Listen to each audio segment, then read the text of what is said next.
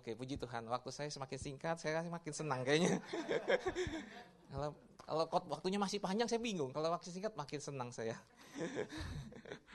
Karena jadi jelas, jadi kita mesti ngomong yang singkat, jelas dan padat. Nah, saya dikasih tema teman-teman bulan ini di NLC tentang melayani.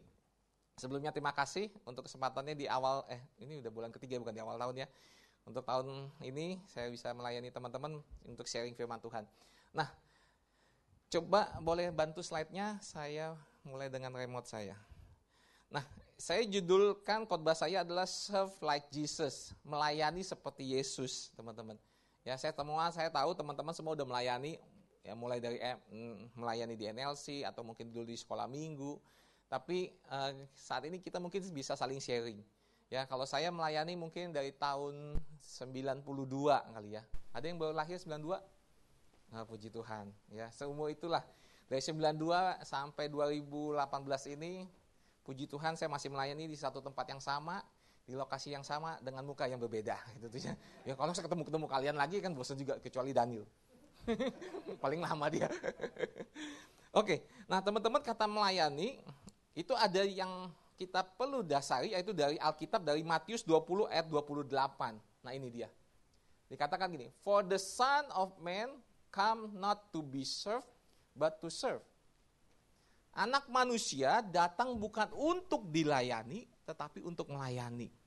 Ya, kalau Tuhan Yesus aja yang mati di kayu salib yang nanti akan kita rayakan di Paskah, itu dia datang untuk melayani, bukan untuk dilayani. Begitu juga kita pengikutnya, begitu juga kita muridnya. Nah, kata melayani teman-teman kalau menurut kamus itu artinya begini, melakukan sesuatu untuk kepentingan orang lain, bukan untuk dirinya. Karena kalau untuk melakukan sesuatu untuk dirinya sendiri, itu bukan melayani. Ya, jadi kita melayani itu untuk kepentingan orang, bukan kepentingan kita.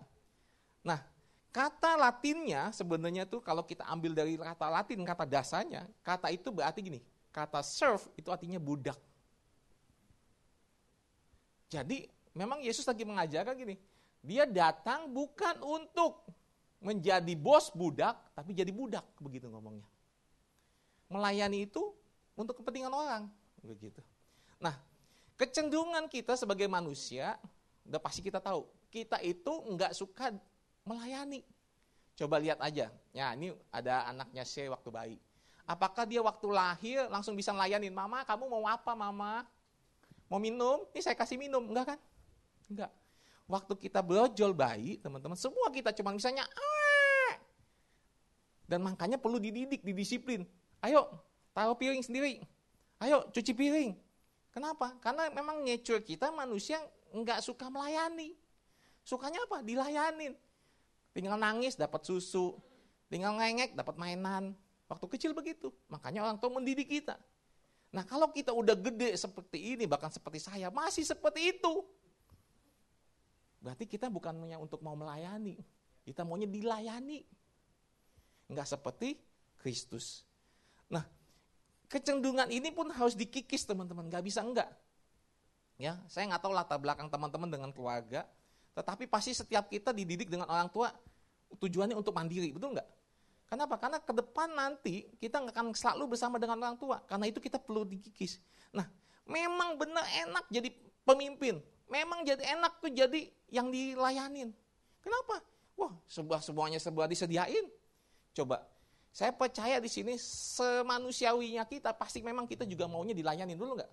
Coba kalau kita datang ke hotel bintang 5 enak kan? Dibukain pintu, selamat pagi pak. Coba kalau yang melati mau datang nggak datang bodo amat gitu. Kita malah lebih suka yang bintang 5, maunya dilayanin gitu. Tetapi dalam hal ini kita perlu belajar teman-teman. Ya. Kadangkala memang kedagingan itu enak untuk dilayani.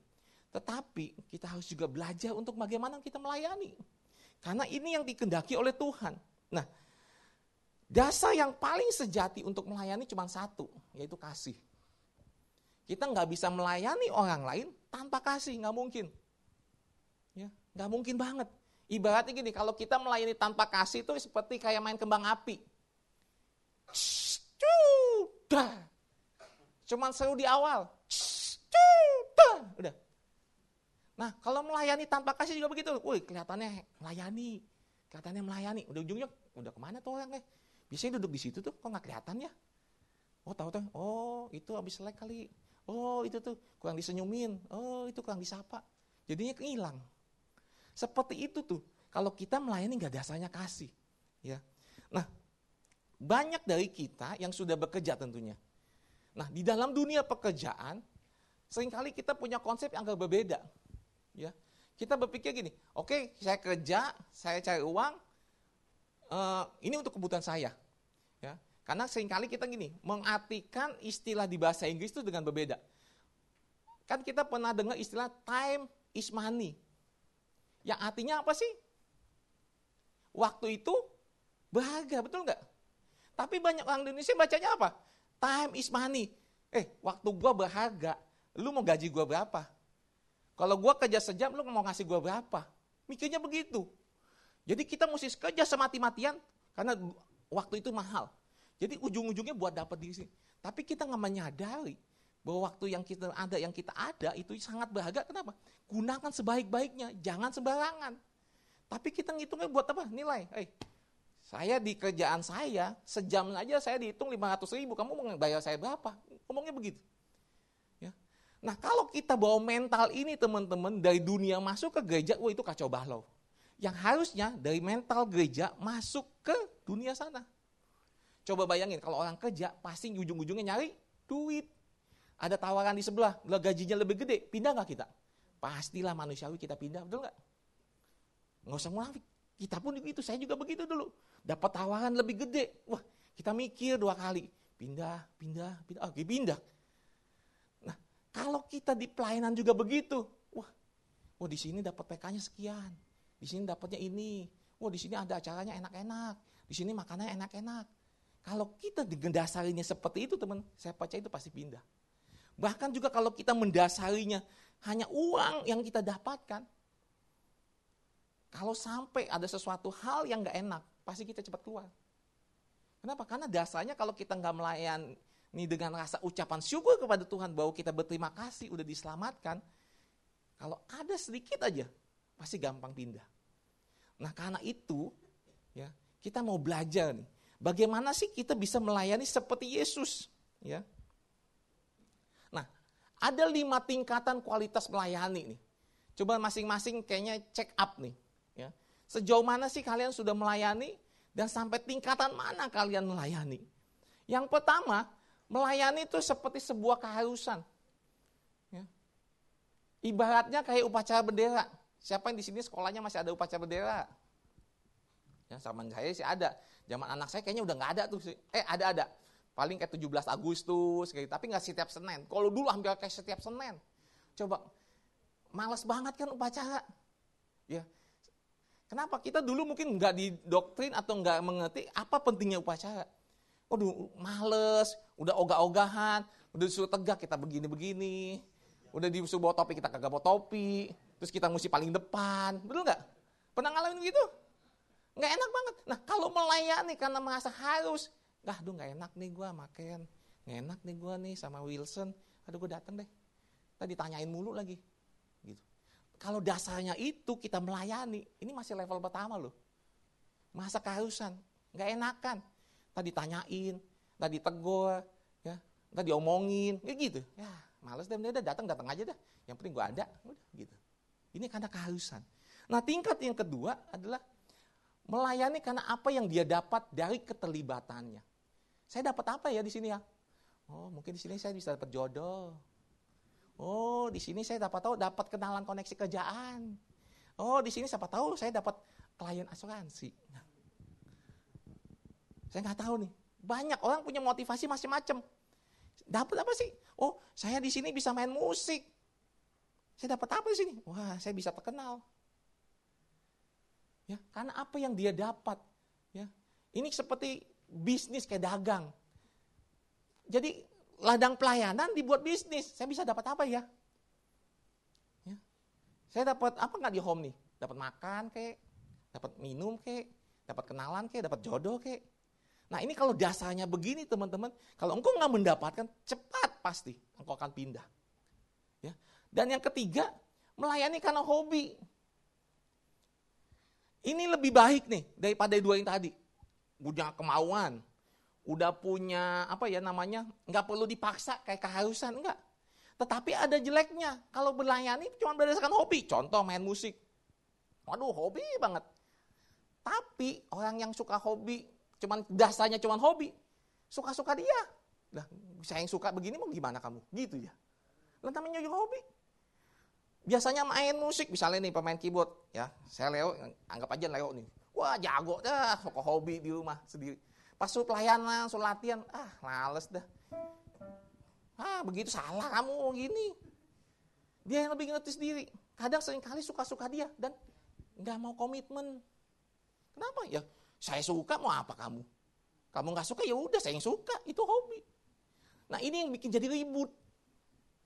Kita nggak ada komitmen, kita nggak ada mau penundukan diri. Kenapa? Dalam pelayanan itu butuh tim, nggak bisa kita main sendiri. Ya kalau kamu mau melayani, ayo mesti sama-sama. Gitu ya. Nah, tingkat yang keempat, nah ini nih. Melayani karena kesuksesan yang telah dicapai. Wah, NLC ini banyak prestasi misalnya. Oh, saya mau dong jadi anggota NLC.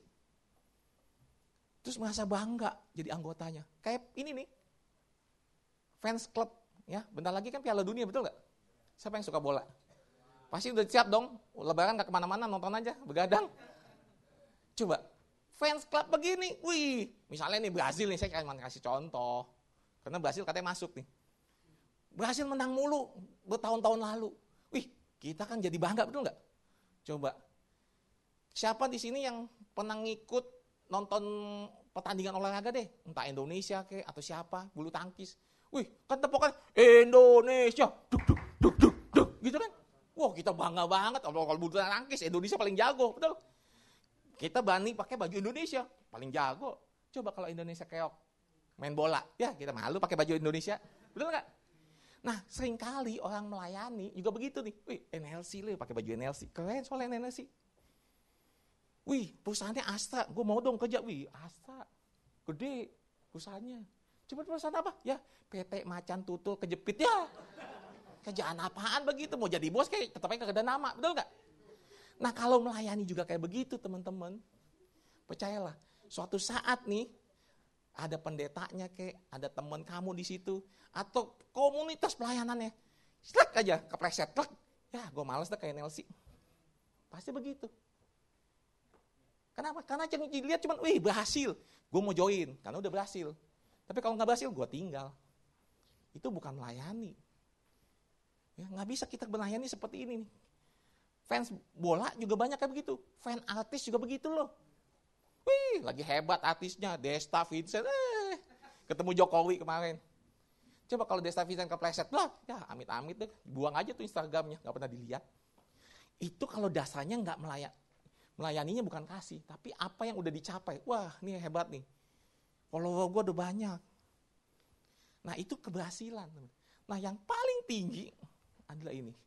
Karena dia tahu apa yang akan dia berikan. Karena dia tahu tanah perjanjiannya apa. Apa yang dia bisa berikan. Jadi nggak berdasarkan lagi. Kalau kita udah tahu bahwa ini adalah permasalahan kita, tempat kita yang Tuhan kasih, kita nggak akan terpaksa seperti keharusan. Kita nggak akan lagi mencari apa yang bisa saya dapatkan, tapi apa yang saya bisa beri. Kita nggak akan lagi melihat apakah sukses atau enggak. Saya percaya berjalannya waktu akan terus sukses. Kalau saya ini saya akan terus bantu untuk sukses. Bahkan kita juga akan nggak seperti orang fans-fans begitu. Ya. Kenapa? Ini itu sebagai keluarga, family, lens kita. Nah kalau gitu layanilah musik seperti ini teman-teman. Ya, apa yang dia dia tahu tempatnya di sini. Mau di sana lebih sukses, saya rumah saya di sini. Mau di sana mungkin harganya dapatnya lebih banyak, saya tempatnya di sini kalaupun di sana dikasih PK kalau main musik, di sini enggak, saya tetap di sini karena saya tahu ini tempat saya. Nah, kan sejauh mana teman-teman melayani sini? Enggak ada yang tahu, cuma engkau dan Tuhan seperti supi bajai. Enggak ada yang tahu. Tapi bisa terlihat, terbaca waktu engkau beraksi. Waktu engkau ngomong, ketahuan, motivasimu apa? Nah, bagaimana sih sebenarnya kita harus melayani seperti Yesus? Ada tiga hal nih teman-teman, dari kalimat ayat yang tadi nih. Ingat gak? Anak manusia datang bukan untuk dilayani, tetapi untuk melayani. Yang pertama, lihat nggak? Anak manusia lo pakainya lo, bukan anak Allah. Yesus itu mestinya punya status tuh anak Allah. Tapi dia pakainya anak manusia. Yang berarti Yesus sedang mengajarkan kita gini. Dia datang nggak bawa status. Dia datang nggak bawa titel. Dia datang nggak bawa jabatan. Eh, saya ini anak Allah. Saya ini Tuhan loh. Enggak. Dia bilang ayatnya, anak manusia datang bukan untuk dilayani, tapi untuk melayani. Di dalam pelayanan kita nggak bisa ngeliat ini, wih pelayanan AC yang paling rendah, pelayanan yang di Mima paling tinggi, oh, lantainya aja beda. Nggak bisa, sama. Ya, nggak dibilang, oh yang khotbah itu lebih hebat dibandingin yang WL, belum tentu, ya nggak bisa. Ya. Atau yang WL lebih hebat dibandingin yang di LCD, no, nggak kelihatan kayak di kandang burung. Maaf kata ya, maaf ya, bu. Nggak bisa ya. WL, masih Daniel nih, saya eh, percaya nggak tersinggung. Sehebat-hebatnya dia nyanyi, coba kalau dia ngambek di ujung. Dia nggak mau pencet tuh lagu, bisa nyanyi nggak kalian? Mingkem semua, kok nggak ada teksnya ya? ya? Terus di sana dimatiin, bluk, bluk, lampunya. Lah, ya mati ini. Coba, terganggu nggak kita menyanyi? Ganggu. Jadi WL bukan menentukan suasana ibadah juga. Semua yang melayani, baik mulai dari Asia di bawah soin. Kalau dia nyambutnya udah enak, naik kita makin enak. Coba kalau nyambutnya kagak enak, ya naik juga terpaksa, betul nggak? Karena semuanya terlibat teman-teman. Jadi nggak ada dibilang gini, eh ini pelayanan yang lebih besar, ini pelayanan yang lebih kecil. Oh ini pelayanan yang mulia, ini nggak mulia, nggak ada. Kita melayani itu kehormatan loh teman-teman. Kalau kita punya status untuk melayani Tuhan, itu kehormatan. Nah, bahkan juga banyak anak Tuhan bilangnya melayani Tuhan, tapi yang dilayani pekerjaan Tuhan. Halo, melayani Tuhan dengan melayani pekerjaan Tuhan tuh beda jauh. Kita bilang, wah saya melayani Tuhan loh. Tapi yang dilayani pekerjaannya. Belum tentu Tuhan suruh. Kalau Tuhan suruh, itu baru kita melayani Tuhan. Tapi kalau enggak kita Tuhan suruh, cuma ngerjain aja tuh, so sibuk aja. Ayo, kita harus melayani nih tanpa ngelihat status. Ya. Tanpa ngelihat status. Dan Yesus datang ke dunia ini memberi contoh buat kita. Bukan hanya untuk di gereja loh sebenarnya. Untuk di dunia pekerjaan juga termasuk begitu. Kalau kita hitung-hitungan juga sama teman kerja kita, sama bos kita, percayalah cepat atau lambat engkau jadi musuh bagi mereka. Tapi kalau kita nggak hitungan, yang diminta kita kasih cepat sebelum yang dia minta, wih percayalah, dia nggak lihat Tuhan lihat loh. Promosi datang dari Tuhan. Gak usah khawatir. Bos mungkin kasih kerjaan, oh banyak, kita dilimpahin, kita tenang aja, tetap senyum, kita tetap kerjain, semampu kita yang bisa kita kerjain, kita berikan yang terbaik. Saya percaya, sebuta-butanya dia, Tuhan gak pernah buta, betul gak? Jadi eh tetap, jangan lihat, wah itu statusnya rendah. Ya, nggak bisa teman. Jadi, karena itu kita perlu belajar menghormati orang lain. Siapa pun yang dalam status, level status apa pun. Nah, bahkan orang berpikir gini, saya kan sudah memberikan kemurahan kepada Tuhan. Saya udah berkorban waktu untuk melayani. Eh, Tuhan yang lebih dahulu berkorban buat kita. Apa sih yang bisa kita lakukan untuk Tuhan? Nggak bisa. Kita lakukan ini aja mungkin belum tentu yang terbaik. Belum tentu menjadi ucapan syukur atau menyenangkan hati Tuhan. Belum tentu.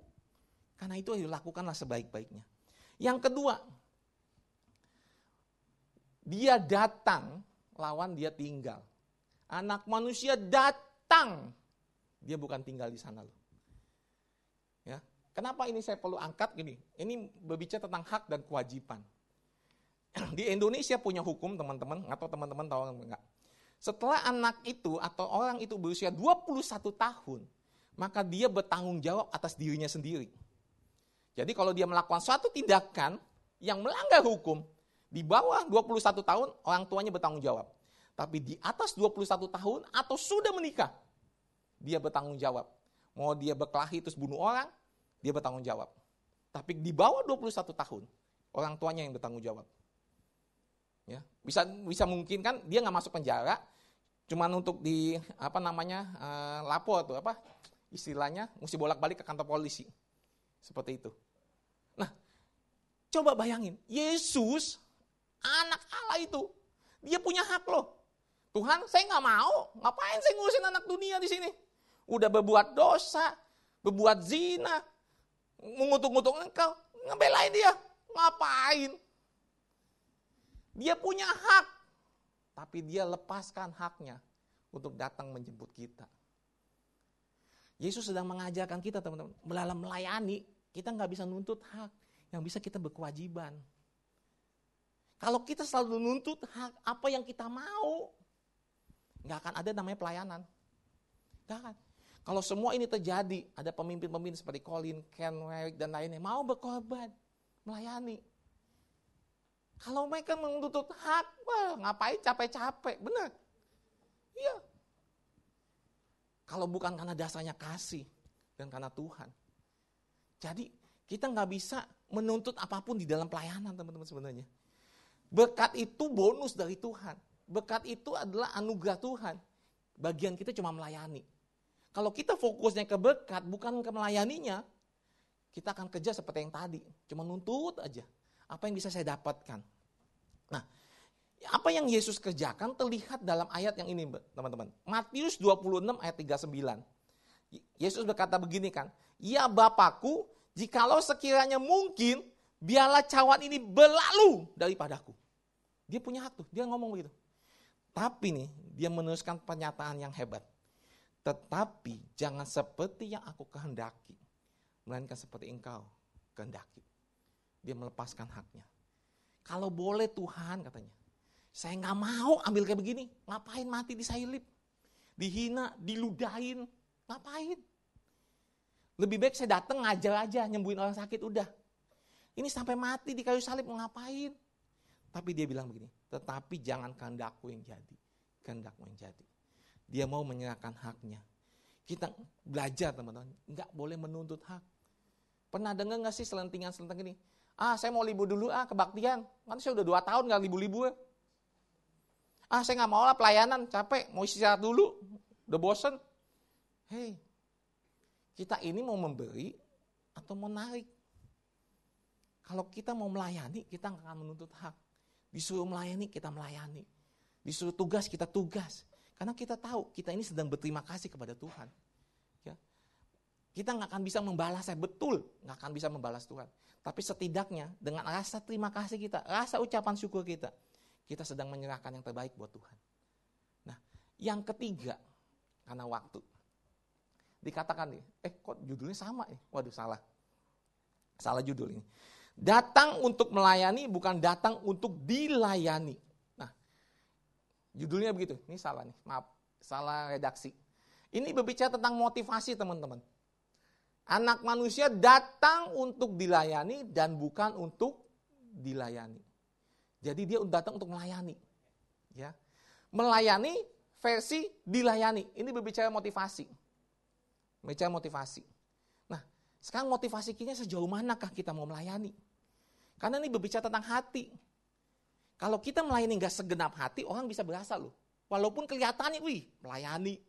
Wih, kelihatannya rajin datang. Wih, home juga datang. Tapi yang tahu hati itu Tuhan. Dan waktu engkau bertindak, orang pasti tahu, ah, sikapnya kok begini. Itu, itu tuh bisa berasa. Walaupun nggak kau nggak ucapkan, orang bisa melihat, eh, segenap hati nggak nih? Sungguh-sungguh nggak dia ini? Nah, zaman dulu teman-teman, tahun 300-an tuh, ya, setelah Yesus naik ke surga, 300 kemudian, banyak petapa-petapa Kristen. Ya. Jadi ada namanya si Simon, siapa gitu, dia itu petapa-petapa Kristen tuh dia ada di atas pohon.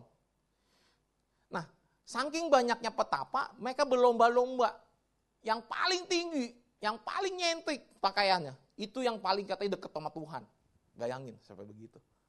Jadi mereka jemaatnya atau orangnya bangsa-bangsa itu nyari itu petapa-petapa Kristen minta untuk didoakan. Mereka bawa bekal, bawa buah, bawa macam-macam, taruh di bawah pohonnya.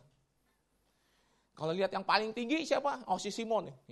Tapi maaf kata nih, sesama petapa ceritanya nih di buku itu, malah melakukan sesuatu yang nggak pantas.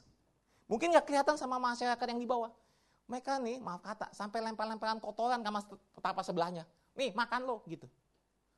Nih makan lo. Tapi kalau kelihatan dari bawah, wih petapa. Banyak dari kita juga, kita kelihatannya melayani. Wah rajin, dateng, rapi, kudus. Tapi hati siapa yang tahu? Ke sini buat nyari apa sih? Ke sini mau dapetin apa sih? Ke sini buat Tuhan atau buat diri sendiri sih? Ke sini karena terpaksa atau enggak sih? Yang tahu cuma di sini nih. Gitu. Karena motivasi yang paling menentukan loh teman-teman. Bagaimana kita bisa melakukan sesuatu dalam pelayanan. Ya, cepat atau lambat pasti ketahuan itu. Wah motivasinya nggak jelas nih. Wah motivasinya cari duit nih. Wah motivasinya cari jodoh nih. Pasti ketahuan itu. Ya. Nah ini penting. Seperti Yesus, dia datang bukan untuk dilayani, tetapi untuk melayani. Dia motivasinya jelas. Saya ke sini mau mati untuk menembus engkau. Udah titik. Dia nggak ada pakai embel-embel lain. Makanya dilakukan segala sesuatu dengan segenap hati. Kalau enggak, nggak akan mungkin teman-teman. Yesus akan begitu. Banyak orang berbondong-bondong mau datang. Nggak mungkin. Dan saya percaya semua yang sakit datang kepada Yesus pasti disembuhin. Pasti. Nggak mungkin enggak. Nah, sekarang gimana kita? Kalau kita motivasinya nggak jelas, awal-awal mungkin masih bertahan loh. Wih, masih kuat kita masih melayani.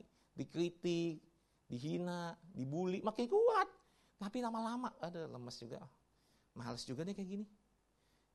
Ya, Saya bukan berarti membinakan orang yang membuli ini enggak. Apa pun yang di luar kita, kita nggak bisa handle. Betul nggak? Orang mau ngomong apa, orang mau ceritain apa tentang kita, nggak bisa handle. Tapi bagaimana kita berespon, itu yang menentukan. Maka saya bilang gini, masalah itu bukan yang ada di sekitar kita. Masalah itu adalah kalau saya berespon dengan salah, itu masalah. Orang mau ngapain terserah. Mau ngomong apa kek, mau ngapain kek. Ya. Selama kita tetap di jalan Tuhan benar dan kita berespon, nggak akan kena punya masalah. Tapi kalau kita juga bereaksi yang nggak enak, eh timbul masalah tuh. Benar nggak? Contoh, kita disempet, ya, dijegat orang, ya, nggak salah dihina orang. Terus kita kesel kan, kita balas. Jadi masalah nggak? Jadi masalah. Coba kalau kita diem aja, nggak jadi masalah tuh. Sebenarnya masalah itu waktu kita beresponnya negatif. Salah teman-teman. Nah karena itu, belajarlah satu hal ini. Kita harus punya tiga hal seperti Yesus. Satu, nggak lihat status. Ya. Semua pelayanan di mata Tuhan sama. Nggak yang khotbah lebih hebat, yang asal lebih enggak, bisa lebih hebat dia loh dibanding saya. Upahnya mungkin lebih besar dia daripada saya. Ya soyen ya. Amin gitu. Amin gitu. Dan dia dari bawah lu panas-panasan sama si Ansil. Ya, udah pakai baju hitam kena matahari lagi. Ya, di sini kita adem. Bekatnya pakai sih Tuhan kasih lebih banyak. Ya. Nah, yang kedua, jangan menuntut hak. Ayo. Ya. Kalau engkau menuntut segala sesuatu, nggak akan mungkin. Dan nggak mungkin semua orang bisa memenuhi segala keinginanmu, nggak mungkin. Cuman Tuhan yang bisa. Dan itu kalau sesuai kehendaknya. Dan yang ketiga, motivasi. Ayo kita jaga hati kita. Satu ayat penutup kita baca sama-sama. Kalau sampai sungguh orang mungkin gak menghargaimu. Ada ayat yang Tuhan katakan begini. Kita buka di Yesaya 49 ayat 4. Tolong VJ-nya siapa hari ini? Yesaya 49 ayat 4 nih teman-teman. Kita baca sama-sama ya. Kalau sampai mungkin di luaran sana kita nggak dihargai. Semua orang lain mungkin masih melihat kita negatif. Tapi firman Tuhan berkata demikian. Yesaya 49 ayat 4 sebagai penutup kita. Bisa? Bentar, oke. Okay. Kita akan baca nih teman-teman sama-sama. Ini janji firman Tuhan bagi setiap kita. Tetapi aku berkata, aku telah bersusah-susah dengan percuma dan telah menghabiskan kekuatanku dengan sia-sia dan tak berguna. Namun hakku terjamin pada Tuhan dan upahku pada Allahku. Ada berkat yang Tuhan sediakan. Kalau engkau mungkin sudah bercapek-capek nggak dihargain orang, Engkau sudah melayani, nggak dipandang orang. Engkau udah lakuin yang terbaik, masih dihina orang. Firman Tuhan gini, hakmu terjamin pada Tuhan, tenang aja. Dan upahku ada pada Tuhan. Amin. Tenang aja, Tuhan ngeliat kok. Engkau udah bercapek-capek nih, nggak ada promosi kelihatannya. Tenang aja.